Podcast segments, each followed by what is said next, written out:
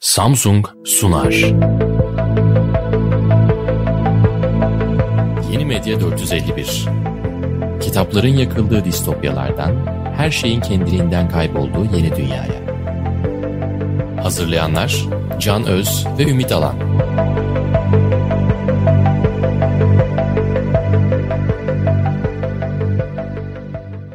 Merhaba, Samsung'un sunduğu Yeni Medya 451'in yeni bölümüne hoş geldiniz. Ben Can Öz, karşımda Ümit Alan. Bugün yeni medya çağında çocuk yetiştirmeyi konuşacağız. İkimiz de birer babayız. Zaten bu konudan muzdaripiz.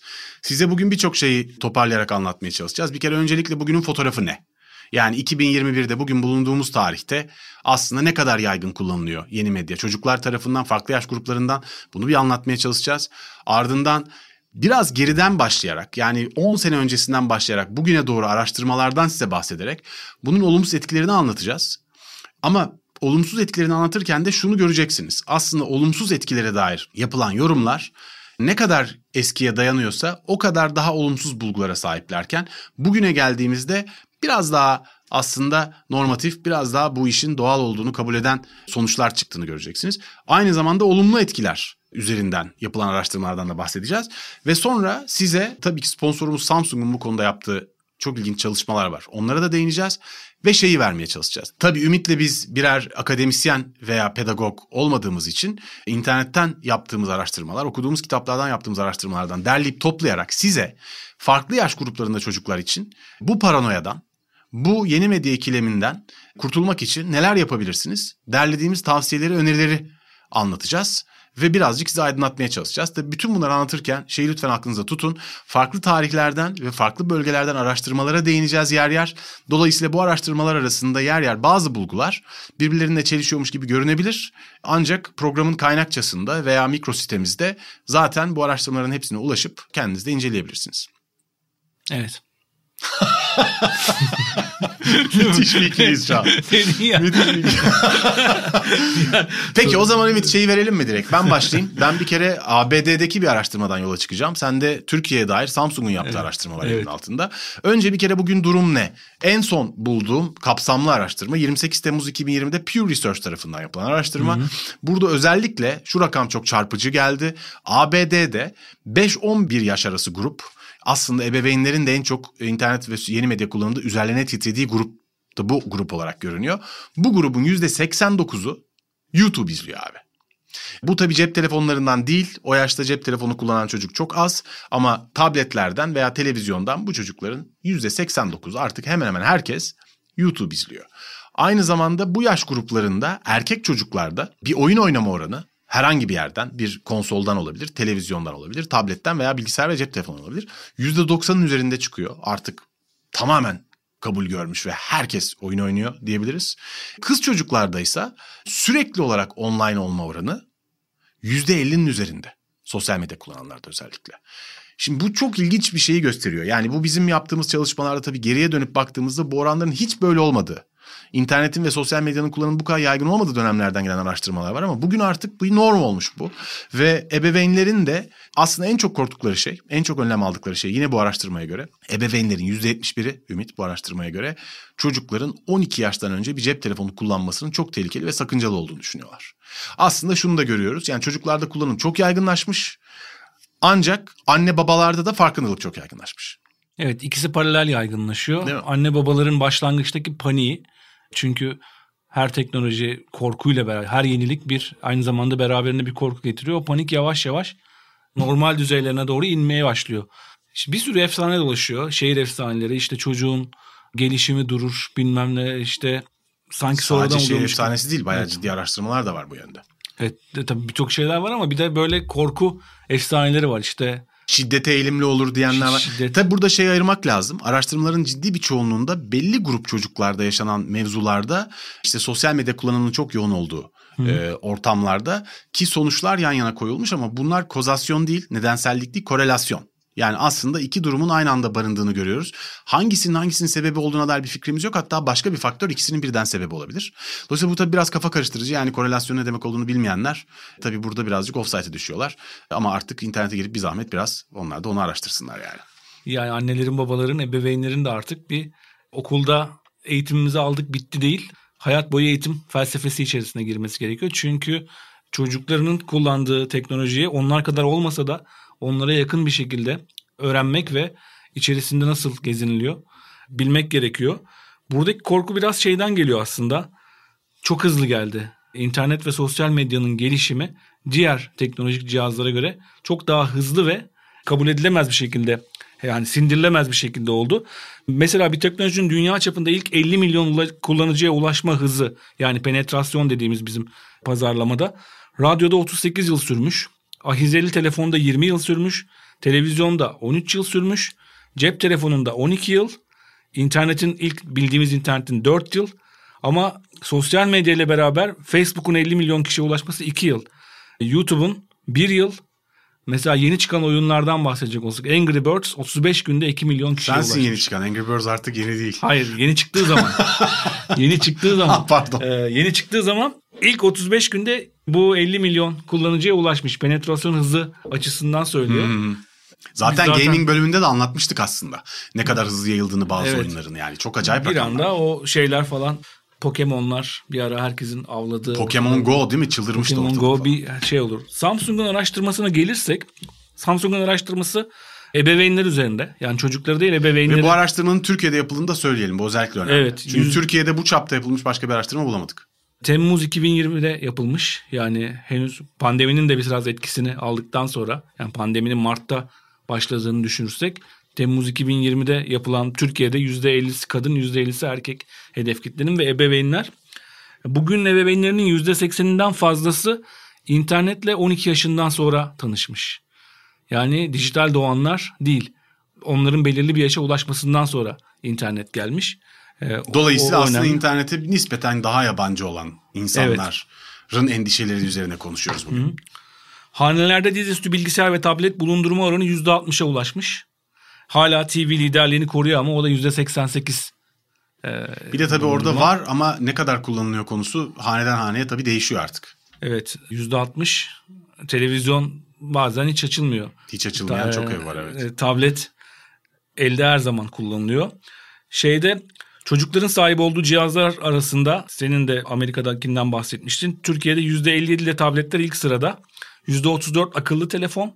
Dizüstü bilgisayar da iyice düşüyor. %15 bulundurma oranı.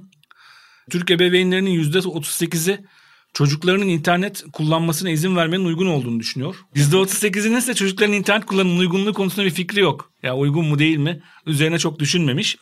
Anneler internet kullanımının uygun olmadığını düşünenlerin içinde annelerin oranı babalara göre daha yüksek. Klasik anlayışta eğer babanın işte annenin evde olduğunu düşünürsek daha fazla muhtemelen çocuğun Farkında e, diyorsun. farkında dijitalleşmeyle. Kaldı ki dünyanın hemen hemen her yerinde de sen programın daha ilerleyen yerlerinde değineceksin tekno pişmanlık konusuna. Babaların çocuklarına yeterince vakit geçirmediklerini söyleme oranları hemen hemen her yerde aynı derecede yüksek. Evet. Aynı zamanda şöyle de bir ilginç bir veri var. İnternet çağında büyüyen ebeveynler internet çağındaki büyümeyenlere göre daha dikkatli. Çocuklarının internet e, şey teknoloji kullanımı konusunda 0-4 yaş grubunda çocukların ebeveynleri yani 20-34 yaş grubu ebeveynler çocuklarının daha az internet kullanmasına izin veriyor kendilerinden daha büyüklerine göre. Çok mantıklı, çok güzel. Çünkü Aynı, çok benzer bir şey. Pew Research'te de Evet. çıkmış biliyor musun? Yani Pew Research'te şöyle bir şey söylüyor. Daha eğitimli ve internette kendi kullanan, özellikle de üniversite mezunu ve internete aktif kullanan ebeveynler, bunun aksine gruplara göre çocukların internet kullanımını kısıtlamayı %11 oranda daha fazla tercih ediyorlar. Daha fazla tercih ediyorlar. Buna ters olarak da daha eğitimsiz veyahut da internet kullanımı daha az olan ailelerde internet kullanımını kısıtlamaktan ziyade çocuğun telefonu veya yanındaki bir cihazla GPS üzerinden çocuğun bulunduğu yeri takip etmek. Yani sokağı takip etmek. %14 Evet. oranında daha yaygın. Çok ilginç aslında. Yani interneti daha çok kullanan, daha çok farkında olan ebeveynler internetin kendisini kontrol etmeye daha eğilimliler. Evet çünkü içerisinde doğup büyüdükleri için tehlikelerinin de farkına varmışlar. Sana ilginç bir şey söyleyeyim bu arada? Bu araştırmaya göre, buna mesela ben çok şaşırdım. ABD'de bu araştırmaya katılan ebeveynlerin %96'sı çocuklarının bir siber zorbalık olayıyla asla karşılaşmadığını düşündüklerini, aynı zamanda bu ebeveynin %92'si de çocuklarının siber zorbalıkla karşılaşması halinde mutlaka kendine haber vereceğini söylüyor. Şimdi bizim geçen işlediğimiz siber zorbalık bölümünde ise bu oranların hiç de böyle olmadığını biz biliyoruz. O bölümde evet. anlatmıştık bunu. Evet. Çok ilginç yani sonuçta aileler çocuklarına fazla güveniyor sanki. Demek ki o diyaloğu kurduklarını düşünüyorlar çocukluğundan itibaren. Bu da yaklaşımla ilgili bir şey. Çocuğum söyler diyorsa demek ki çocuğu yasakla korkutmayan bir zihniyetle büyüttüklerini düşünebiliriz. Yani çocuk çünkü güvenmeyi tercih ediyor. E, çocuğu, Güvenmekten evet. çok da denebilir tabii. Çocuk eğer bakış açısıyla. Çocuk eğer yasaklanacağı korkusu içerisindeyse bu tarz davranışlara maruz kaldığını söylemez. O zaman der ki ben bunu söylersem, yani bundan şikayet edersem elimden tableti alırlar, internetimi keserler gibi Zaten e, yine aynı siber zorbalık bölümünde de programın sonunda anlatılan tavsiyeler arasında bu da vardı. Yani evet. yasakçı ve güvensiz bir yaklaşımın aslında çocuğun izolasyonuna Hı-hı. olasılığını arttırdığını ve siber zorbalık olasılığını da böylece arttırdığını söylüyordu aslında araştırma. Çok evet. ilginç bir çelişki var orada. Zaten Social Dilemma filmi de mutlaka izlemediyseniz sevgili dinleyiciler izleyin. Buradaki acayip yaman çelişkiyi çok güzel anlatıyor. Biraz abartılı da olsa. Evet. Zaten bu yasakçılık ve çocuğun oynadığı oyuna dair şüpheli yaklaşımlar insanlık tarihinde hep var. 17. yüzyılda araştırma yapan yani tarihçi Steven Mintz 17. yüzyıldaki ebeveynlik ve çocukluk tarihi üzerine bir araştırma yaparken şunu görüyor ki çocukların dışarıda kum tepelerinde oynaması, sokaklarda çok vakit geçirmesi, uçurtma uçurmasına büyük bir şüpheyle yaklaşıyormuş ve o zaman çok şikayet ediyormuş ebeveynler bundan. Yani şimdi tıpkı e, şimdiki ebeveynlerin elinden tableti düşürmüyor, elinden telefonu düşürmüyor diye şikayet ettiği gibi o zamanlarda bütün gün uçurtma uçuruyor, kum tepelerinde oynuyor, sokaktan toplayamıyorum gibi şikayetler varmış. Çocuğun şu anda ise bir ebeveyne söyleyince yeter ki dışarı çıksın, uçurtma uçursun, oyun oynasın elinden cihazı bıraksın diyoruz. Yani korkular da çağlar içerisinde değişiyor çocukların Bu tabii yani şeyine karşı. 300 yıl önce yaşanmış korkularla bugün yaşanmış korkuların sonuçlarının aynı olduğunu söyleyemeyiz tabii. Şeyi de söyleyelim bu arada. Bu örneği sen Gamer bölümünde anlatmıştın. Evet. Sevgili dinleyiciler size Ümit'i şikayet edeceğim şimdi. Gamer bölümünü e, bu bölümü dinleyenler Gamer bölümünü kesinlikle dinlememişlerdir. O yüzden evet. o yüzden bu örneği burada mutlaka vereceğim dinlememiş evet. olabilirler diye. Eğer ki o bölümü de bu bölümde dinlemişseniz lütfen sosyal medyadan veya bir yerden bize ikisini de izledim diye not edip e, sevgili evet. Ümit Alan'a da aslında iki bölümde dinleyecek sıkı dinleyicilerimiz olduğunu da gösterin lütfen. Ya iki bölüm aynı anda dinleyenlerin oranını merak ediyorum. Yani. evet, hem gamerlık bölümünü hem de yeni medya çağında çocuk. Çünkü gamerlık bölümü biraz daha sanki daha küçük yaşları ilgilendiriyormuş gibi ama. Bilmiyorum. Neymiş göreceğiz. bu gaming vesaire tarzda bir yaklaşım o kadar ilgisini çekmeyebilir küçük yaşlı. Neyse göreceğiz de. Boş Lütfen ikisini de dinlemişsiniz Şeyde, haber verin ama. Burada Tekrar Samsung'un yaptırdığı araştırmaya dönersek bu Temmuz 2020 tarihli araştırmaya çocukların %85'i videoları ve bu dijital içeriği ebeveynlerinin veya yakın çevrelerinin cihazlarından izliyorlarmış. Hı hı. Bu da şeyi gösteriyor. Daha aslında büyük tehlike altındalar. Ebeveyn cihazında çünkü muhtemelen çocuklarla ilgili kısıtlamalar çok fazla tercih edilmiyordur diye ona da baktığımız zaman onun da rakamı var ebeveynlerin %62'si çocuklar için güvenli bir internet uygulaması kullanmıyormuş. Hı hı. Yani %62'lik bir oranda bu çocukları kısıtlamakla ilgili uygulamalar var. Yani çocuğun güvenli hareket etmesi için cihazın içerisinde. Özellikle çocuğun sizin önünüzde olmadan kullandığı durumlarda yani hele hele ki 11 Hı. yaştan sonra 12 yaştan itibaren çocuğun daha başına buyruk bir hayat kurmaya başladığı tarihten itibaren tabii bu kısıtlamaların önemi özellikle artıyor. Şimdi ben bu şeyden bu araştırmadan önce Samsung'un tabletinde Samsung Kids uygulamasını deneyimledim çocuğumla beraber. 4 yaşında benim kızım da. Ona cihazı teslim ettiğimde ve Samsung Kids'in içerisine girdiğimde çocuk yine bir tablet kullanma deneyimi yaşıyor. Yine uygulamalar var. Kendisi için seçilmiş. Hem Samsung'un yaptığı uygulamalar var hem de onun girebileceği siteleri belirleme imkanı var içerisinde. Yani giremeyeceklerini değil de girebileceklerinizi kendiniz belirliyorsunuz ve Samsung'un uygulamaları da çoğunlukla çocuğa problem çözme yetisiyle ilgili şeyde. Samsung Kids'in içindeki uygulamalar. Problem çözme yetisini geliştirme, sonuca ulaşma ve onun içerisinde vakit geçirme. Ama şu rahatlığı sağlıyor. Normal zamanlarda çocuk bir cihazı eline aldığında e, sürekli bir nereye girdi, nereye çıktı, benim mesajımı cevapladı mı, benim mailime WhatsApp'a girdi mi, o arada WhatsApp'tan bir mesaj geldi mi gibi şeyler yerine telefon verdiğiniz zaman burada tamamıyla kendisine ait bir tabletmiş gibi davranıyor. Evet yani bu tabii sponsorumuz Samsung'un yaptığı e, önemli bir çalışma bence. Çünkü şimdi birçok cihazda ve birçok e, platformda çocukların kullanımını kısıtlama, sınırlandırma yönelik seçenekler var. Ama bu özellikle bütünsel olarak çocuklar için yapılmış bir yeni sistem sunuyor. Dolayısıyla hani çocuğa kısıtlanmış bir sistemden ziyade kendisine ait bir sistem hissi veriyor. Logosundan, ikonlarından, yazılımlarına kadar bayağı evet. güzel bence. Evet çıkmak için de bayağı beğendim yani. Bunu kapatmak istediği zaman da bir şifre soruyor. Evet. Çocuk da onu bilemeyeceği ya da bilmediği için doğal olarak. Belli olmaz abi. Zaten bir, yani bir Uykunda izle... konuştururlar bak. yani izleyebilir yani. Şeyden rakamları bile öğreniyorlar en küçük Ayrıca, öyle. E, yaşlarda.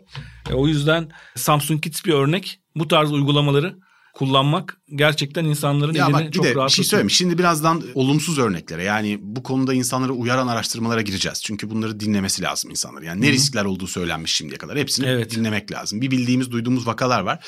Bir de zaten dünya çapında araştırmalar var. Bunları anlatacağız şimdi dinleyicilere. Evet. Ama anlatmadan önce ben şunu söyleyeyim. Şimdi bu araştırmalarda şunu görüyorsun. Tabii yeni çıkmış ve bayağı olumsuz sonuçları olan araştırmalar da var ve hep de olacak. Ve hep riskler çok yüksek zaten. Ancak şunu somut olarak söylemek lazım. Yani bu dönemin çok hızlı değiştiği bir çağda yaşıyoruz artık. Yani bundan 10 sene önceki araştırmalarla bugün arasında şöyle büyük bir fark var. Hakikaten internet kullanımının çocuklarda yaygınlaşmaya başladığı dönemde ebeveynlerin internet kullanımına çok daha mesafeli olduğu. Yani atıyorum YouTube bağımlısı ebeveyn diye bir şey hiç olmadı. YouTube'un ne olduğunu hiç kimsenin doğru dürüst bilmediği, işte Netflix'in vesairenin daha hayatımızda hemen hemen hiç olmadığı, dijital içerik kullanımının artık hayatın doğal bir parçası olmadığı, çocukların daha marjinal bir dünyanın parçası olarak kullandıkları dönemden gelen araştırmalarla bugünün dünyasını yorumlayamayız. Evet. Yani 100 yıl öncesiyle bugün nasıl yorumlayamazsak aslında 5-10 sene öncesiyle hatta 5 sene öncesiyle bile bugün yorumlayamayız. Çünkü bu şunu benzetiyorum aslında. Mesela otorite konusu. Şimdi hep bütün ebeveynlerin ben de dahil. Bütün ebeveynlerin derdi şu yani çocuğum sözümü dinlemiyor. Ah eski çocuklar ah biz eskiden. Yalnız burada şöyle bir problem var. Otorite dediğin şey senin sadece çocuğuna bağırmanla veya otoriter olmanla veya ceza sistemleri kurmanla olacak bir şey değil. Otorite bütün dünyadan solunan bir kavramdır aslında. Yani sen annenin babanın otoriter olmasına dair peşin kabulü bundan 30 sene önce 40 sene önce televizyonda da görüyordun. Arkadaşının anne babasının hikayelerinde de duyuyordun ve tabii ki okulda da yaşıyordun. Yani mesela ben okulda tokat yedim öğretmenimden. Evet. Ben babamdan ve annemden de tokat yedim mesela. Şimdi bunun hayali bile önerilemez. Ve bunun böyle olduğu gerçekliği sadece bizim evimizde değil çocuk hayatının her yerinden soluduğu için bu çocuğa karşı çok otoriter bir tavırla sonuç almak aynı karakterle 30 sene önce mümkünken bugün pek mümkün değil. Şimdi aynı şey internet için çok daha kısa sürede geçerli oldu. internet kullanımı için. Yani bugün işte Samsung'un bu örnek verdiğimiz geliştirdiği teknolojiler ve modeller mesela müthiş. Bunun gibi hayatımızın etrafındaki herkesin bu konunun risklerine dair farkındalığının arttığını, e, yazılım firmalarının sürekli yeni şeyler geliştirdiğini ve önümüzdeki 5 yılda çok daha fazlasını geliştireceğini ve bu yüksek farkındalığın aslında bizi başka bir dünyaya taşıdığını not etmek lazım. Yani bütün bu araştırmaları dinleyip de korku ve paranoyaya sevk edilmektense aslında yapabileceğimiz bir şeyler olduğunu not etmek lazım. Bu ön girizgahtan sonra bence başlayalım olumsuz araştırmalara. Evet. Birçok araştırma var. İstiyorsan sen başla Ümit. Şimdi korkutacağız herkesi. Şimdi ona başlamadan önce, olumsuzlara başlamadan önce bu panikle ilgili Buyurunuz. bir şey bir, bir şey eklemek istiyorum. Douglas Adams'ın bu konuda Otostopçunun Galaksi Rehberi serisinden biliriz. 42. 42 evet. Hayatın anlamı olan sorunun cevabı ama soruyu bilmiyoruz. Yeni medya gibi. 42 mi deseydik ya? o da olabilir. İşte Douglas Adams şahane bir teori yaratmış bu konu hakkında. E, bunu da işte programın sonunda tavsiye edeceğim kaynaklardan birinde okumuştum.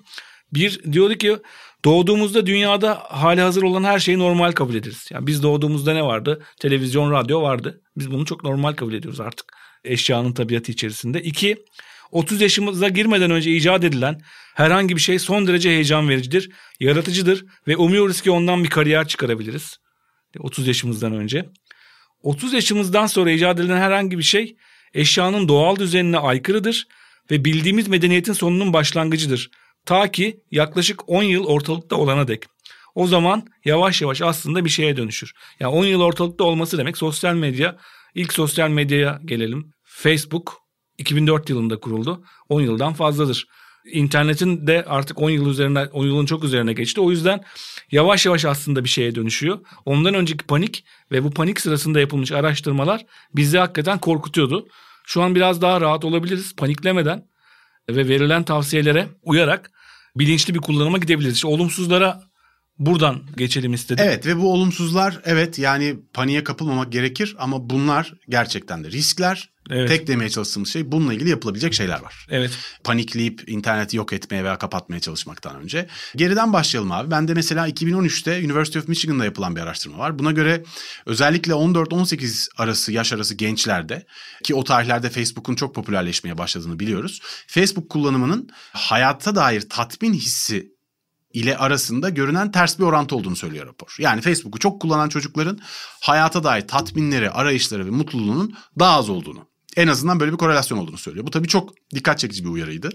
2016'da İngiltere'de Office for National Statistics'in yaptığı araştırmaya göre okul günlerinde sosyal medyada 3 saatten fazla vakit geçiren Hafta sonunu bilmiyorum bu arada. Rapor sadece okul günleri tarafından yapılmış.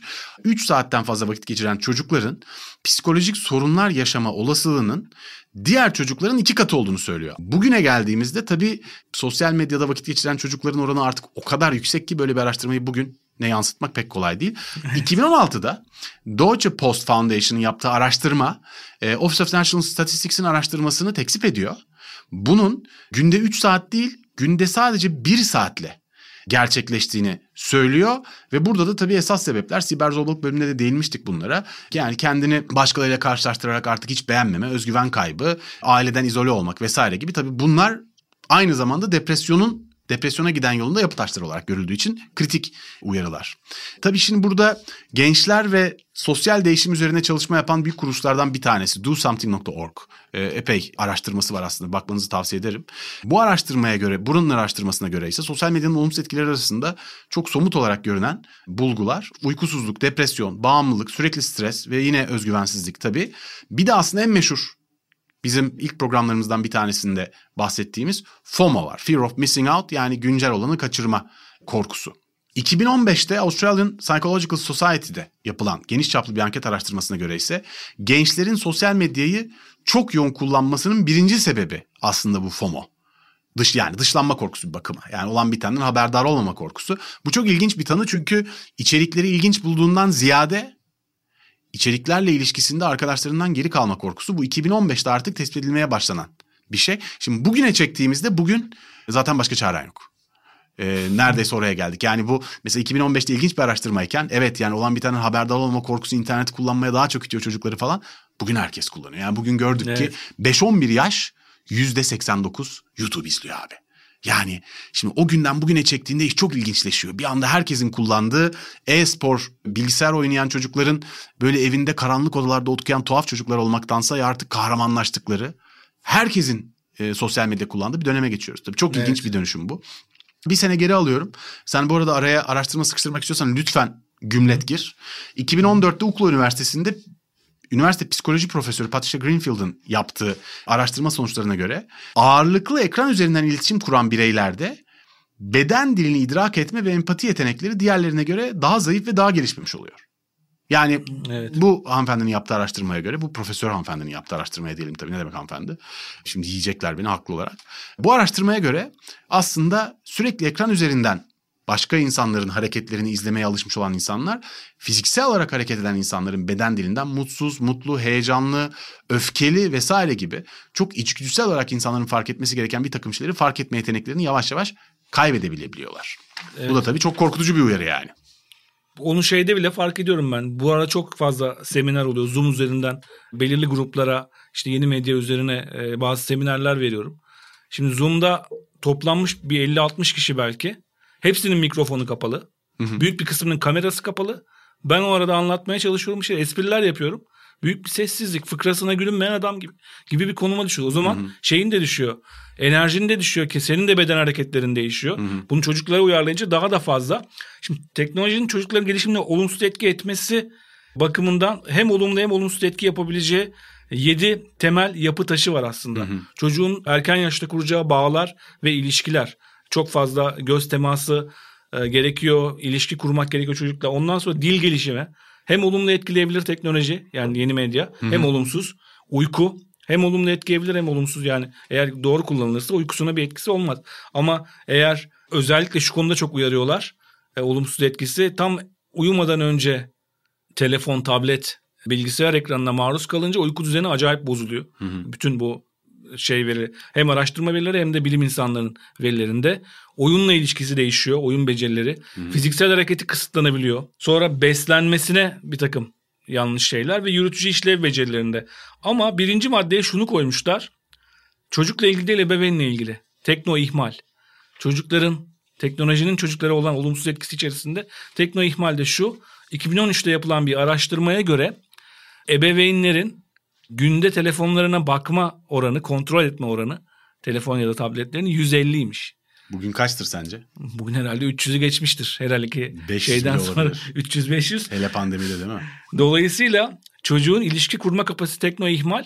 Bu e, bir yandan biz çocuğun çok kullanmasından şikayet ediyoruz ama çocukla göz teması kurmuyorsak evin içinde konuşurken yeterince onunla şey yani ihmal ihmal davranışı çok önemli. Zaten bak bu Pew Research'ün yaptığı 28 Temmuz 2020'deki araştırma, başta verdiğim araştırmadaki ankete konu olan ebeveynlerin %50'si kendileri cep telefonuna bakıyor oldukları için çocuklarını ihmal ettiklerini itiraf etmişler diyeceğim. Daha fazla olma olasılığı da yüksek çünkü.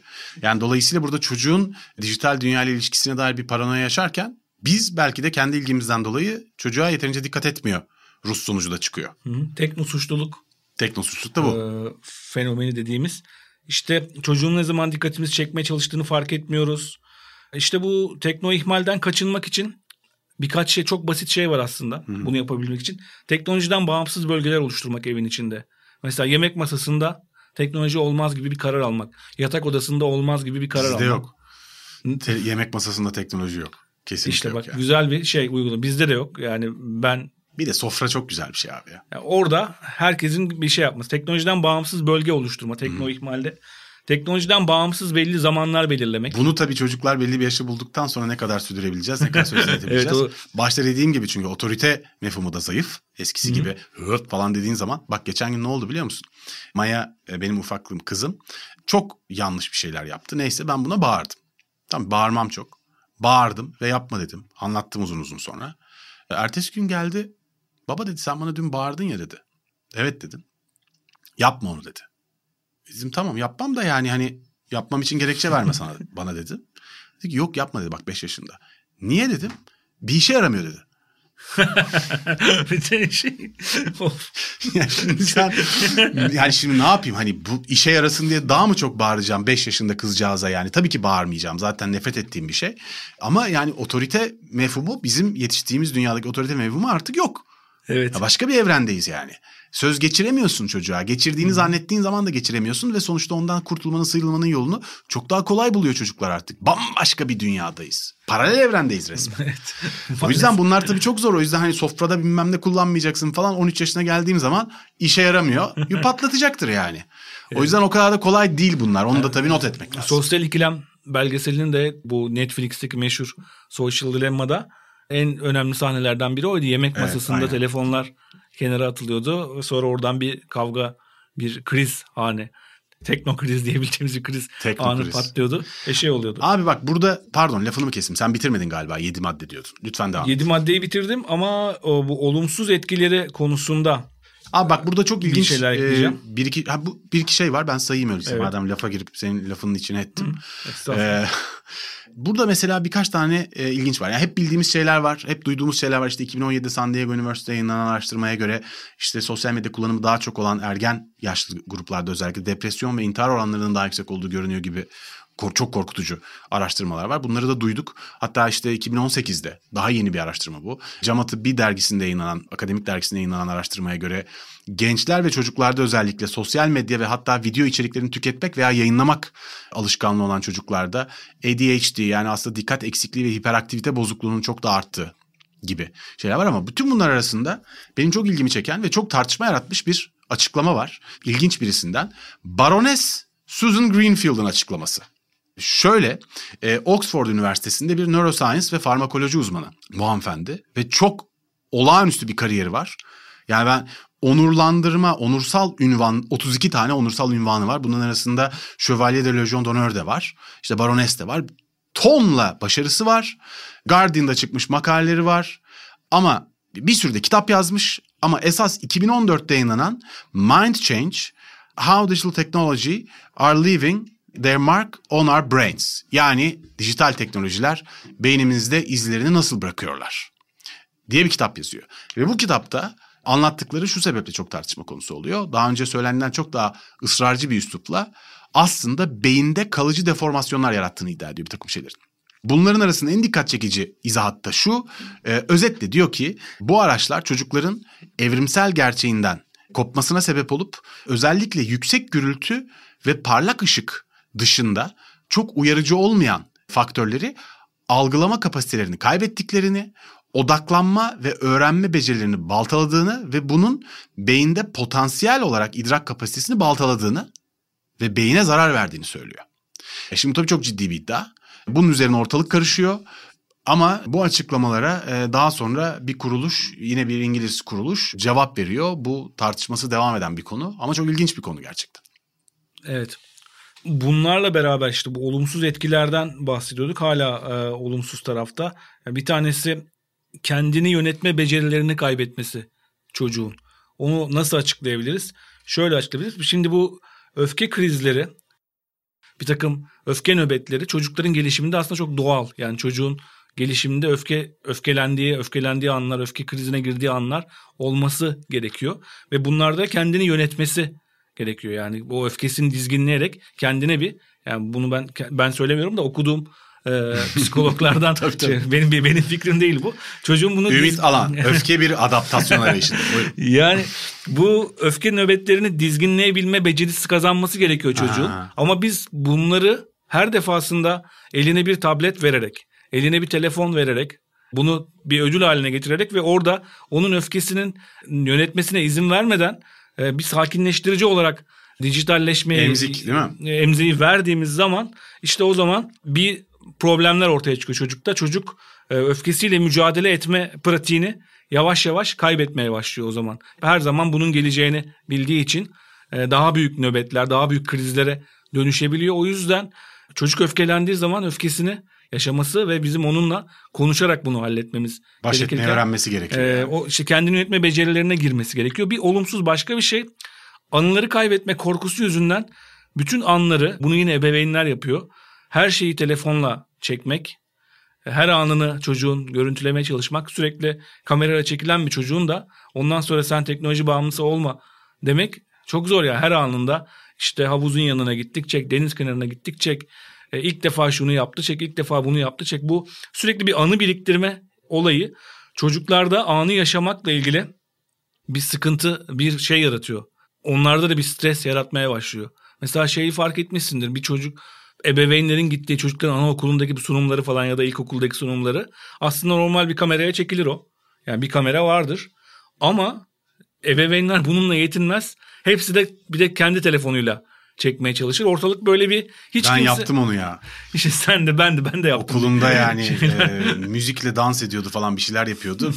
hiç umurumda değil abi. Ben onu kaydeder saklarım. Yok öyle dünya. Ama işte kaydedip saklarken bu anıları kaybetmek Ama bunu abartmamak da, lazım. E, bunun yoğunluğu arttığı zaman artık hem çocuk için hem ebeveyn için bir anı yaşama problemi çıkıyor. İşte sosyal becerilerde noksanlık senin de biraz önce bahsettiğin olumsuz konulardan bir tanesi. Ama bunun tamamen aksini iddia eden araştırmalar da var. Onu da söyleyeyim. Zaten hep bilimin de ilerleyişi bu şekilde ya. Hı hı. Bilim de yanlışlanarak Tez. ilerliyor. Evet. İlk veriler ortaya çıkıyor. Birileri ortaya bazı tezler koyuyor ve bunları kanıtladıklarını düşünüyorlar. Ondan sonra yeni araştırmalar geliyor. Çağ değişiyor ve bilim yanlışlana yanlışlana doğruya doğru gitmeye tabii, başlıyor. Özellikle sosyal bilimlerde bu tabii çok daha birbirinden farklı evet. araştırmalarla ilerleyebiliyor. Tabii burada bir şey söyleyelim. Yani biz bir taraftan internetle ilişki kurmanın çocukların psikolojisindeki etkisine değiniyoruz ama bir de bunun yanında tabii bambaşka bir tehlike var. Ya yani internetteki bir takım ruh hastaları ve sapıklar var. Siber zorbalık. Siber zorbalık ve bunun tabii çok daha ileri gittiği taciz, kaçırma vakaları vesaire gibi evet. vakalar var. Çok daha ciddi adli suçlar da var. Hı-hı. Şimdi bütün bunlar bu konuştuklarımız interneti yoğun kullanmanın çocuğun psikolojisi üzerindeki etkiler. Ancak şey hiç şüphesiz, hiç hafif alınmayacak bir risk. Çocuğun internette özellikle sosyal medyada, özellikle cep telefonu olması halinde kendi başına hesaplarıyla insanlarla ilişki kuruyor olması durumunun çok ciddi riskleri var. Zaten Pew'dan çıkan araştırma sonucu da bunu gösteriyor. Birçok yerde bunu görüyoruz. Bu hikayede kırılma çocuğun kendi cep telefonuna sahip olduğu an başlıyor abi. Evet. Yani evde internet kullanmak, babasının annesinin bilgisayarını kullanmak, tabletten kontrollü bir işte bu bazı önce bahsettiğimiz gibi Samsung'un kurduğu ortamdaki interneti kullanmak vesaire gibi bu durumlarda pek bir risk yokken kontrolsüz bir cep telefonunu çocuğa vermenizin çok tehlikeli olduğunu söylemek lazım. Zaten evet. eninde sonunda iş oraya bağlanacak. Sonunda da birazcık anlatacağız bunları. Yani ortada tehlikeli bir şey yok asla demiyoruz. Kontrol evet. edilebilir bir tehlike var diyoruz. Eğer kontrol etmezseniz de özellikle bu açıdan internette çocukla iletişim kurabilecek diğer insanlar açısından iş çok tehlikeli. Yani çocuğu nasıl sokağa salmıyorsak belli bir yaşa kadar yalnız başına sokağa bırakmıyorsak neden bırakmayız? Çünkü tehlike sokak evet. tehlike unsurdur çocuk için. Yanlış insanlarla karşılaşabilir, kazaya uğrayabilir. Aynısı aslında yeni medya kullanımında da var. Aynen. Yani bu tabletleri, cihazları kullanımında. Çünkü o zaman da aynı aslında aynı tehlikelere maruz kalıyor. Nasıl sokakta elini tutuyorsak veya sokakta birisiyle beraber, daha büyüğüyle beraber yürümesini sağlıyorsak aynı şekilde bu yeni medya kullanımında dikkat etmemiz lazım. Tabii burada şey önemli bu durumda. Yani sokakta çocuğun elini tutuyorsan kendini güvende hissetmen için çocuğunla beraber sokağı tanıman lazım. Evet. Öyle bir mesele var. Yani burada iş aslında interneti, sosyal medyayı, yeni medyayı tanımayan ebeveynlerin işi gerçekten zor o açıdan. Yani onu söylemek lazım. Evet. Bütün podcast dinleyenlerin çoğunun ciddi oranda bildiklerini tahmin ediyorum bu programı evet. dinleyicilerinin. Ama konuya tamamen uzak, internete Hı-hı. ve dijital dünyaya kendi tamamen kopuk insanların işi hakikaten çok zor. Evet, onlar için tehlike çok daha büyük. Çok daha büyük. Buradan olumlulardan da devam edeceğiz. Olumsuz özellikle işte şiddete maruz kalma, pornografiyle karşılaşma gibi bir sürü çocuğa olumsuz etkisi var yeni medyadaki kontrolsüz kullanımın. Samsung ile Toçev'in e, işbirliği yaptığı bir kampanya var. Bütün işte sen bahsettin ya interneti tanımıyorsan, bilmiyorsan daha büyük bir tehlike var diye. İşte Samsung'un yıllardır devam ettirdiği internet tadında kullan bilinçlendirme kampanyası var. Yani bir teknoloji şirketi olarak, telefon ve tablet üreten ve bilgisayar üreten bir şirket olarak aslında internete tadında kullan diye bir kampanya yapıyor. Şimdi de siber zorba olmadan çocuklar için bir bilinçlendirme kampanyası. Şimdi de paylaşmanın sorumluluğunu al. Yani paylaşmanın sorumluluğunu al.com üzerinden. Yani bunu e, Tebrik ve teşekkür ederim. bu şeyinden ebeveynleri çocuklara cihazlarını paylaşırken ya da çocuklarını internete dünyasında güvenli olarak ulaşmalarını öğretmek için böyle bir projeye imza atmışlar. Projede ilk önce biraz önce bahsettiğim araştırmayı yaptırmışlar. Bazı verilerinden bahsettik ya. Oradan yola çıkarak ondan sonra orada uzmanlar, psikologlar, pedagoglar birçok uzman var. Birçok uzman videolarla ebeveynlere ne yapması gerektiğini anlatıyor. Yani aslında birçok psikoloğa gitmişsiniz ve konuşuyormuşsunuz. Çocuğunuzun internet kullanımı hakkında gibi bir deneyim yaşayabiliyorsunuz.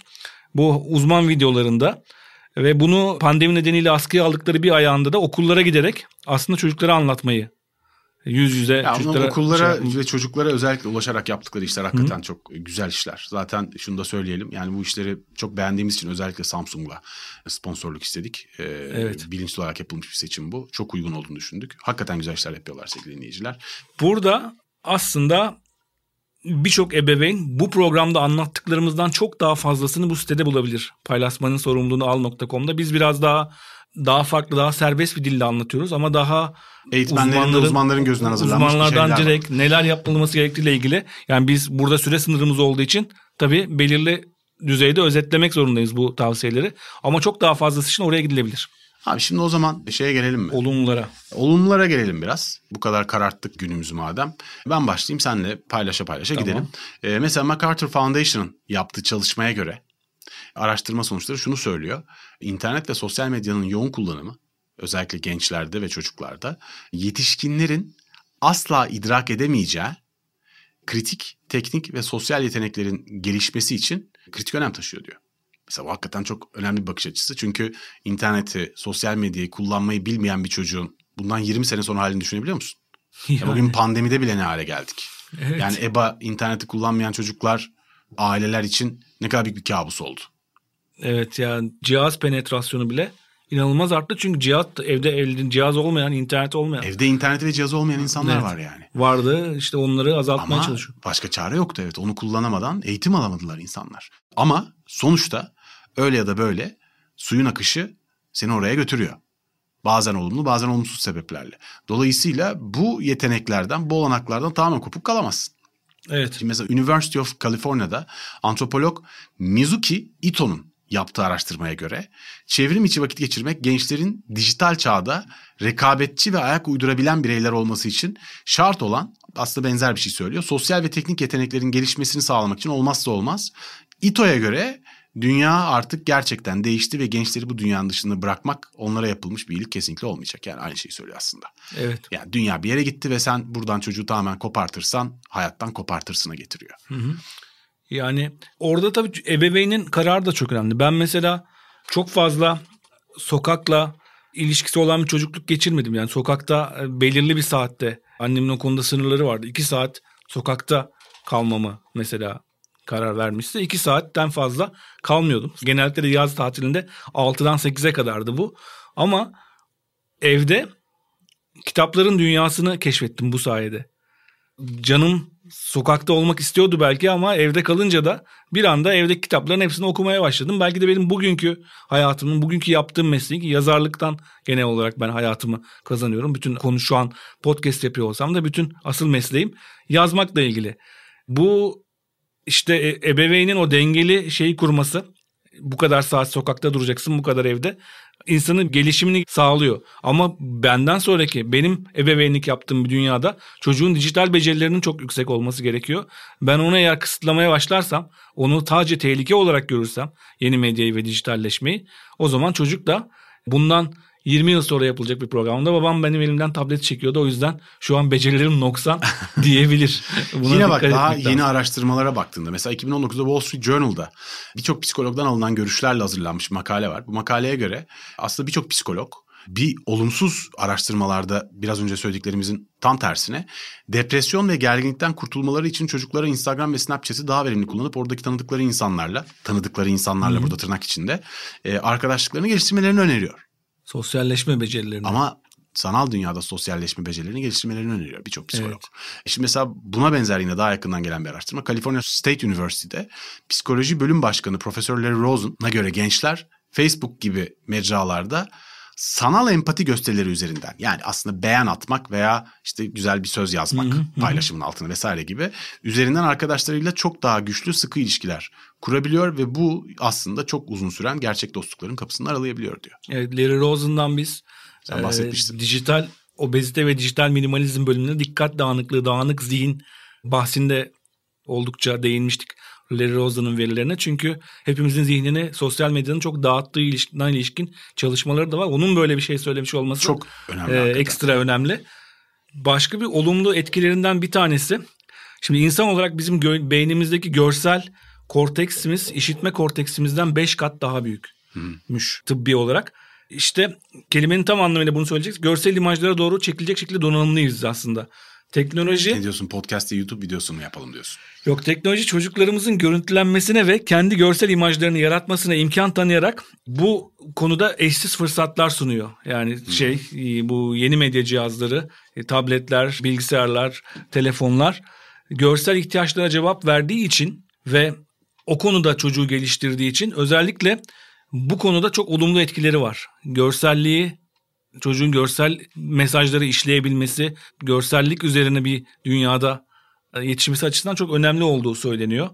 Çocuğun senin hep söylediğin yeni, yeni gelişen becerilerini dengeliyor.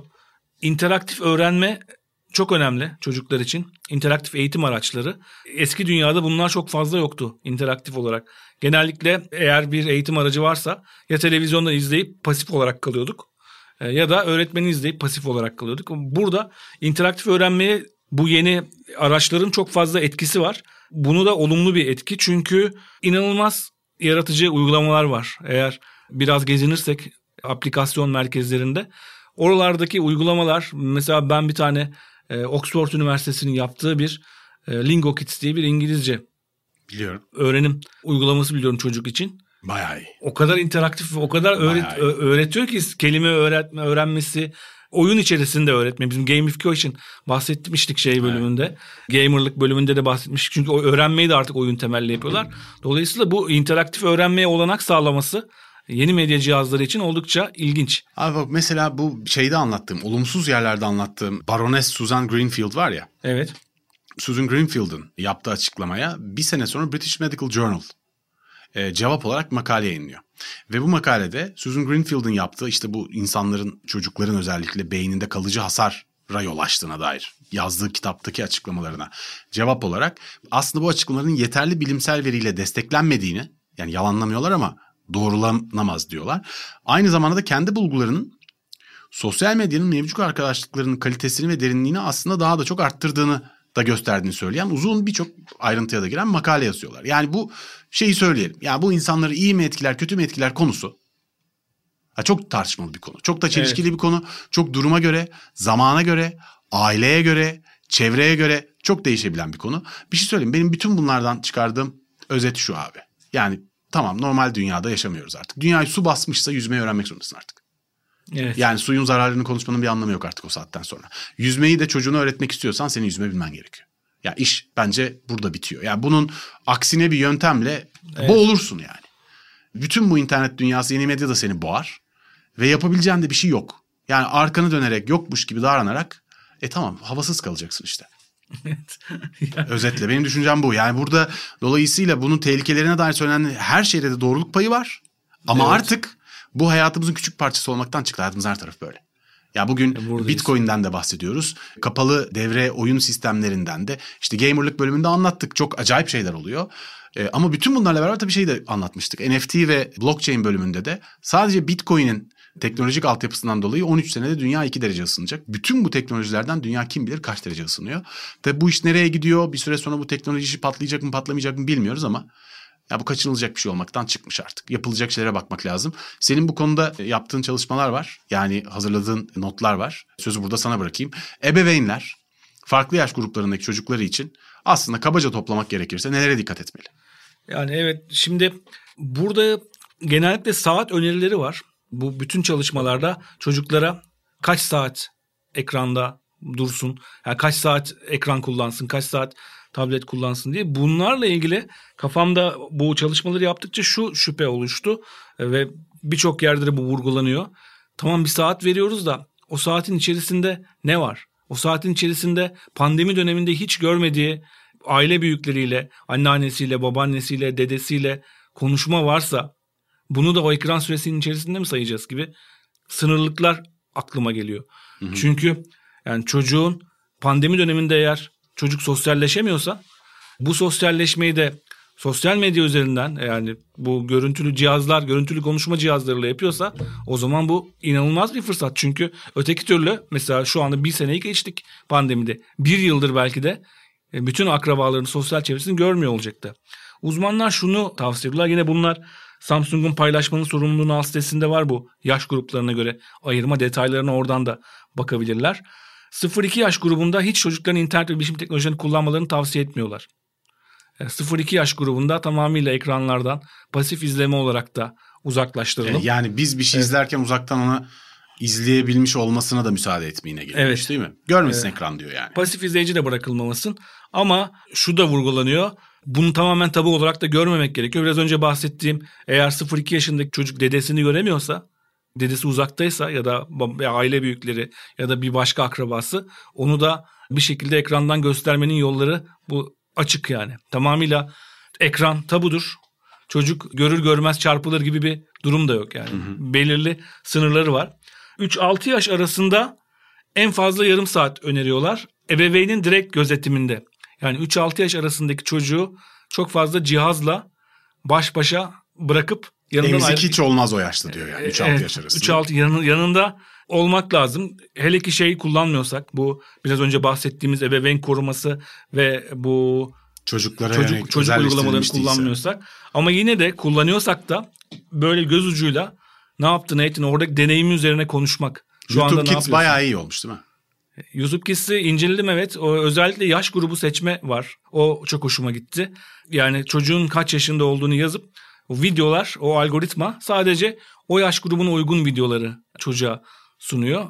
Bu tür Çünkü, uygulamaların önümüzdeki yıllarda çok şiddetli, çok hızlı artacağını da tahmin ediyoruz. Evet bu yani çok da gelişeceklerini aslında. Bu tehlikeler oldukça mutlaka gerekiyor ama burada temel şey ebeveynin direkt gözetiminde en fazla yarım saat diyor. Bu yarım saat de evet önerilen bu ama 45 dakika oldu, bir saat oldu diye de çok da bağlamamak. Eğer bunu gibi. yaparken çocuğunla beraber çok güzel sohbet edip çok da keyifli vakit geçiriyorsan daha uzun da evet. izlersin. Yani bunları artık bu kadar siyah beyaz koymaya gerek yok ama evet. orada esas söylenen şey yani yalnız başına tamamen asosyal bir ilişki kurmasın çocuk deniyor orada. En önemlisi evet. bence o. Ya eline tableti bırakıp sen de evet. kendi dünyana girme, kendi dünyana dalıp gitme. Evet yani bunlar ebeveynler şey tabii yapıyor. kendi karar verecek. Yani bunlar artık kesin bir şey, kategorik bir şey söylemek çok zor.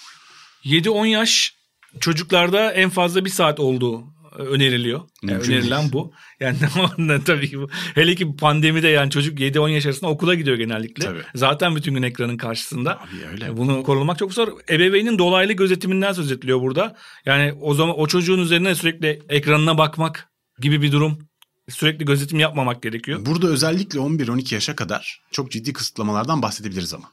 Yani çocuğun evet. hangi yazılımları kullandığı, nerelere girebildiği yani aile kontrolü sistemleri evet. bu Samsung'daki gibi başka Hı-hı. yerlerde, başka sitelerde, web sitelerinin dahi böyle sistemleri var. YouTube'un da var ve dinleyiciler mutlaka şunu bilsin ki aslında anlattığımız şeyin özeti bu. Bu konunun tehlikelerinin dünyanın büyük çoğunluğu farkında olduğu için aslında evet. hiçbirimiz yalnız olmadığımız için bu konu gittikçe daha da gelişecektir. Yani çocukların güvenliği evet. konusunda gittikçe daha da fazla sistemle karşılaşacağız. E, dolayısıyla bu sistemleri kullanmak, aile kontrollerini kullanmak, çocuğun kullanımında kısıtlamak gerekiyor özetle. Şu öneriliyor. Yani okuduğum hemen hemen her kaynakta şu vardı.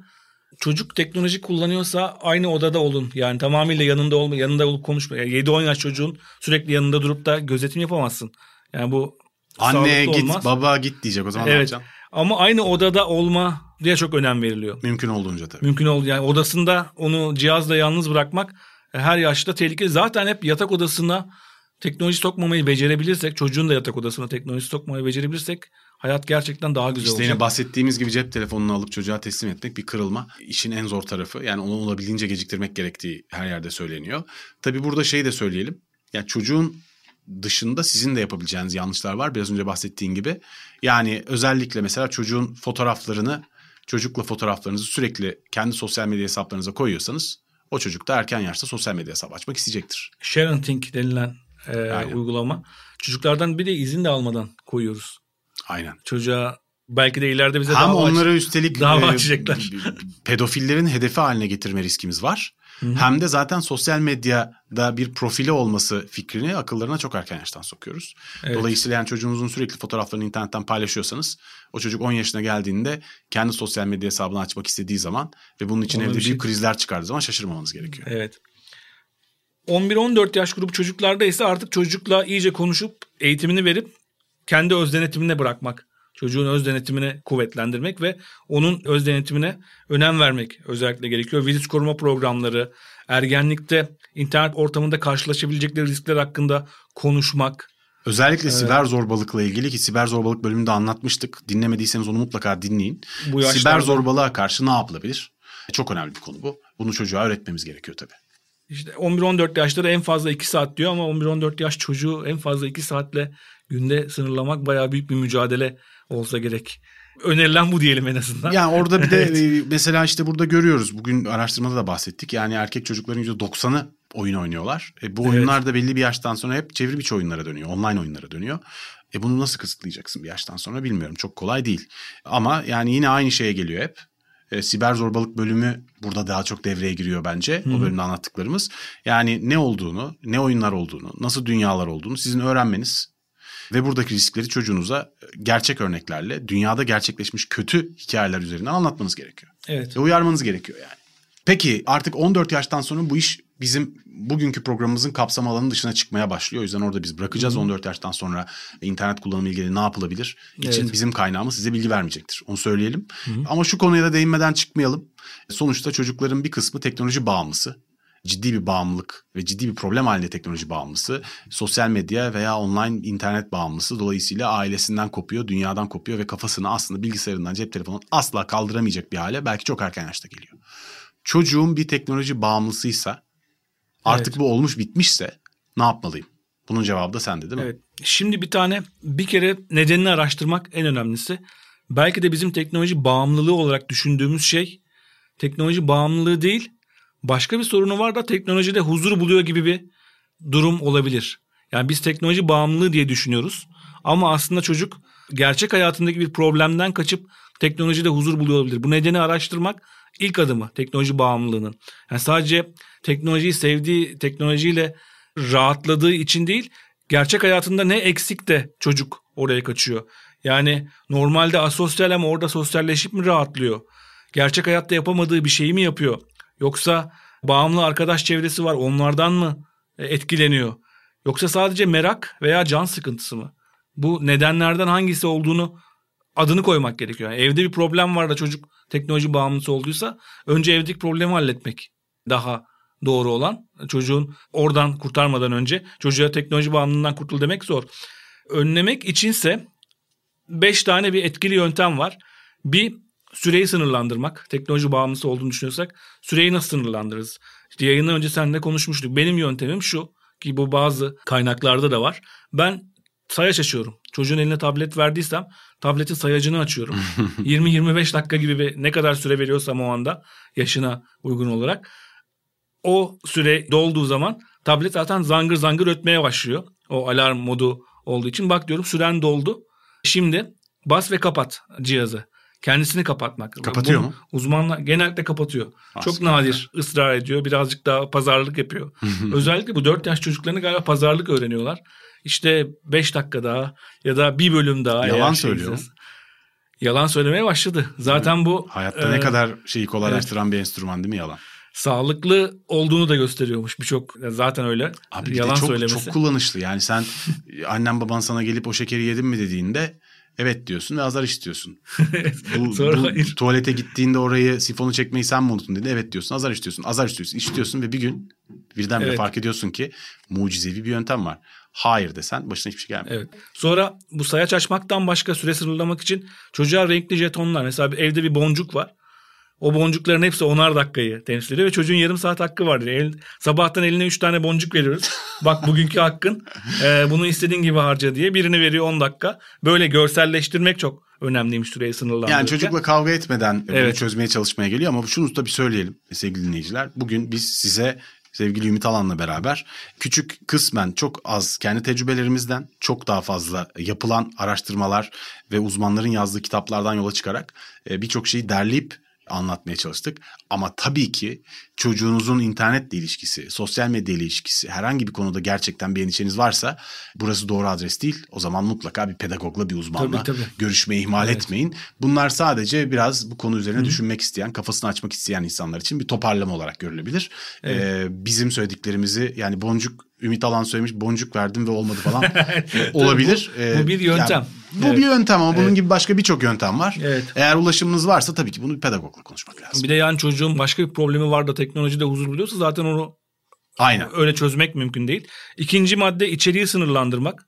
Bu uygulamaları kullanmak işte bu teknoloji uygulamalarının teknoloji bağımlılığıyla mücadele etmekte. Üçüncü yöntem genellikle elinden tableti bırakmasını istiyorsak alternatif olarak ne sunuyoruz? İlgi alanı ne? Mutlu olduğu etkinlikler ne? Yani alternatif ne sunuyoruz?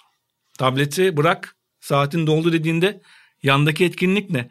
İlgi alanlarını keşfedeceğiz. Mutlu olduğu anları keşfedeceğiz ki onları vereceğiz ve öyle sakinleştireceğiz. Herkes burada herkesin farklı, her çocuğun farklı mutlu olma alanları vardır. Bu üçüncü maddeydi.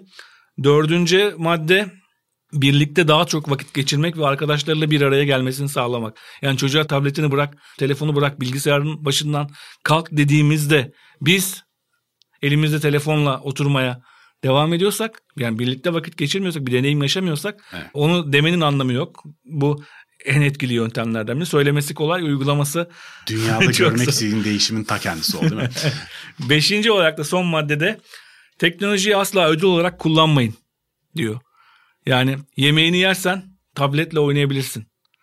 E, yemeğini yersen ya da ödevini yaparsan şu kadar oyun oynayabilirsin. Peki yemeğini yemezsen tabletinle oynayamazsın. Da aynı kategoriye giriyor mu?